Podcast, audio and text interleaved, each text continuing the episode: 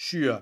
Árgalinn Í fyrstu prentun þyrna sem Þorstein hafði fullgengi frá haustið 1896 áður en hann fór til Íslands eru alls 38 kvæði.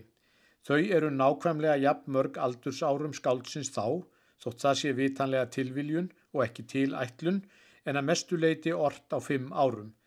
Það er ekki ófróðlegt að líta á hvernig þessi kvæði skiptast eftir yrkisefnum. Slík flokkun verður að vísu ekki nákvæm því fleira en eitt ber einatt á góma í sama kvæðinu. Að auki er þess að gæta að kvæðin eru mjög mislöng. Allt frá einu erindi, reyðrið mitt, morgunvers, til á spítalanum og jörundar sem tvö saman eru fjóruðungur bókarinnar. En sé litið á töluna eina, kvæðin skoðuð sem einstaklingar, hvort sem þau eru stutt eða laung, mun láta nærri að réttur helmingur þeirra sé algjörlega eða að mestu leiti ljóðræns efnis og eðlis án þess að í þeim komi fram verulegar ádeilurni annar tilgangur. Til þeirra eru þá talin dýraljóðin. Þetta bendir til þess að fegurðarþráin og drömlindið sem réð svip kvæðana frá skólaárunum hafi alltaf verið frum tónarnir í skálskap Þorsteins. Hann gefur það sjálfur beinlinis í skín með engunar orðum hinnar skrifuðu ljóðabókar vísu Sigurðar Breiðfjörðs. Í henni er kvorki baráttu hugur nýja vopna brak. Náttúrulýsingar Sigurðar, viðkvæmni, gamansemi í orðalægi, indistokki í stíl og mýkt í kveðandi hafa laða Þorstein að honum. Þá er það aðtiklisvert að hvæðið um rask er ekki í þessari bók Þótt jafn mikil ástæða hefði verið til þess að skrifa það í hana sem þau kvæði er þegar voru prentuð í sunnanfara. Arfurinn er þar ekki heldur og óvíst hvenar Þorstein hefur gengið frá því kvæði en drög til þess hljóta að vera frá árunu 1887 eða skömmu síðar. Þegar Þorstein byrjar að sapna því sem honum þykir vænstum af kvæðum sínum í sérstaka bók virðist hann ekki enþá hafa séð fyrir hver þáttur slarkferðir ættu eftir að verða í skáldskap hans. Honum mun hafa fundist svo meðferð ljóðagiðjunar best sæma að skrýða hana pelli og purpura og láta hana varla drepa fingri sínum í kallt vatn. Þrjú kvæðana í fyrstu prentun þyrna eru um menn, auk kvæðisins um rask. Elli sækir grím heim, Sigurður Vigfússon, einu erfiljóðin í bókinni og Jörundur. Í kvæðinu um Sigurd er tregi yfir örlögum hans og óhæmingu Íslendinga án þess að nokkur sé verulega um sagaður. Hins vegar er jörundur eins og fyrr var getið sögukvæði með ímiskonar útúrdúrum í stíl Bærons enganlega ádeilukendum. Á hinum kvæðunum er uppreysnar hugur skáldsins drottnandi enkenni. Hann riðst fram eins og skriða í örlögum guðana sem er fyrsta kvæði slíks efnis frá tímabilinu 1892 til 96. Þessum kvæðum má nokkur dvegin skipta í þrjá flokka. Þorstedt gerir í einum þeirra grein fyrir byltingarstefnu sinni, hugssjónum og personulegum rökum þeirra. Í öðrum er megin efnið pólitísk og þjóðfélagsleg ádela en hinn þriðji beinist sérstaklega að trúar bröðum og kirkju. Allir þessi flokkar eru nátengtir hver öðrum. Þorsteini var fyllilega ljóst að hann var tvískiptur, blíðu og stríðu blanda saman í hveðskap hans og viðtökur lesendana mundu verða eftir því. Hann hefur líst þessu skemmtilega í árgalanum. Guð hefur söngin gefið þér gagn og indað vinna, en hlýfðu því sem helgast er hjörtum bræðra þinna. Engingat fundi neitt að því þótt hann leti til sín heyra svo framalega sem hann raskaði ekki svebbru og náungas. Í ljóðabrifi leikur hann á marga strengi til þess að skýra þetta og afsaka. Mart veit hann í móður eira mísjamt lætur, bæði sumar vor og vetur, vild hann fegin syngja betur. En þegar harðýðki og rangsleitni heimsins mæta skapi því sem hann hefur ert frá landi þjóð og sögu, finnst honum sér ekki und að láta aðeins læki og sumarnætur leika á gíuna. Þá verða í henni kvassari tónar, brims og fossa. Í fyrstu prentun þyrna má gjörla sjá hvernig andstæðurnar tókast á um Þorstein. Hann hafði þegar á skóla árum sínum kveðið. Því æskan er braut og blóminn dauð og borgirnar hrundar og löndin auð. Söknuður æskustöðvanna, fegurstu sumranna og léttlindi sperskunnar vakir enn í hafnarkvæðunum. En samt getur hann nú líka kveðið og æskunar menjar það minnlega ber sem mitt var þið dýrast og eina. Hann hefði ekki aðeins verið kátt og áhyggjulöst barn heldur óviti sem átti telja trú um ymsar bábiljur eftir að hann hefur ort huldu, algjörlega romantíst kvæði með svip af hulduljóðum Jónasar, yrkir hann mánuðu síðar sonnettuna huldufólkið eins konar bragarbót þar sem hann snýr við blaðinu og notar sögurnar af umskiptingunum úr álfeimum til ádeilu á þá menn sem eru í rauninni karar föskar frá barnæsku.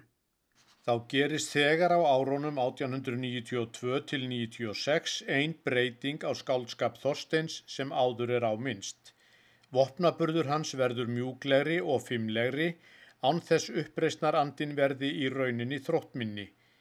Vísan, ég hæði ekki drottin þitt veglega verk, býtur ekki verð en stóru orðin í örlögum guðana og vestmönnum.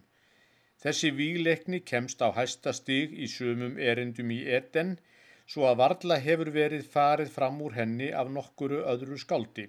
Sigurður Guðmundsson hefur sagt um örlög Guðana að snjallara kvæði hafi naumast verið ort á íslensku máli en það megi ekki svæstnar að vera svo að ekki sé til ópríði. Þorstedt kom snemma á sömu skoðun.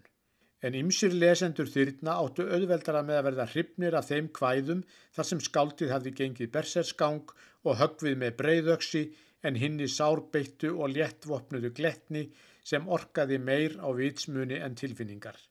Þeim þótti Þorstein hafa línast í sókninni og brugðust þær vonir sem líst er svo í ljóðabrefi. Gaman væri að hefja horn að herjans fulli, brinjast fram í bleika elli, berja á skjöld og hasla velli. Þeim fannst árgalin eldast.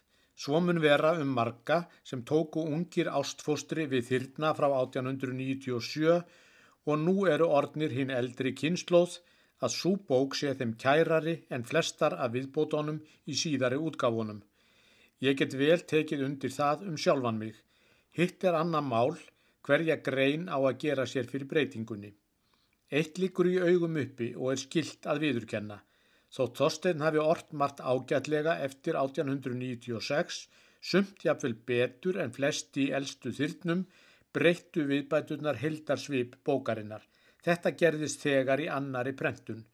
Tækifæri skvæðunum fjölgaði mjög og suðum þeirra eru léttvæg. Þorstein let á prenta slík kvæði frá hafnaráronum sem hann hafði ekki talið þess verð að vera í fyrstu útgáfunni enn meir ber á þeim í þriðju prentun svo að þau virðast jafnvel bera annars konar kvæði ofurliði og þó að gengi sér fram hjá þessum tækifæris kvæðum eins og þau væru ekki til munu þeir sem mest höfðu dáðst að þyrnónum í hafnarkvæðum Þorsteins sakna þeirra í hínum kvæðónum sem eftir verða. En hér er margs að gæta. Á tvent hefur þegar verið bent. Annað er hinn mjúglindi eðlisgrunnur Þorsteins og romantík hans frá æsku árónum sem ráða miklu um svip þyrna frá upphafi samhlýða hinnum harðari tónum. Engin mun neyta því að þessi ljóðræni strengur hafi haldið hljómi sínum til æviloka skálsins.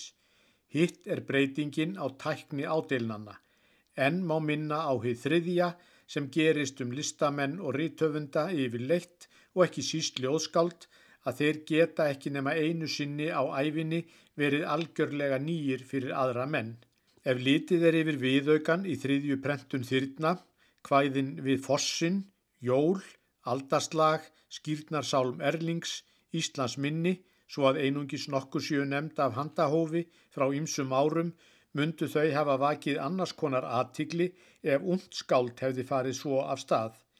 Engum hefði komið til hugar að á þeim væru neyn ellimörk.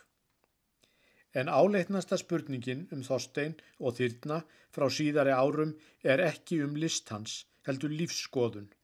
Að vísu er engin verri maður þótt hann líti með vaksandi aldri og reynslu, öðruvísi á lífið og tilveruna, svo framalega sem það stafar ekki af styrnandi hugsun, kólnandi hjarta og dignandi kjarki en Þorstein hafði í bókinni minni, skilmálunum og fleiri kvæðum marka sér svo óvenjulega skýra stefnu snemma á æfinni og samt á þroska aldri að honum var vandlifað síðan. Og hann hefði ungur farið að hugsa um hvort sér myndi auðnast að vera djörfustu æsku skoðunum sínum trúr. Í fremsta kvæðinu í fyrstu skrifuðu ljóðabóksinni hveður hann um trúna. Svona hún elur aldur sinn en ef hár mín grána er hún að vona auðmingin að sér kunni að skána. Í sumarkveði stúdenta frá 1904 segir hann Kveðjum þungum þrúgna tárum þá sem eftir lífsins vor gráta burt á efri árum æskusinnar frjálsu spór og í bókinni minni um síðuna þá sem þar óskrifuð er ég ætla ekki að metast við neina. Skoðanir Þorsteins í eldstu þyrnum voru árangur svo mikill að reynslu og baráttu að hann bjóst ekki við að hvika frá þeim í neinum megin atriðum.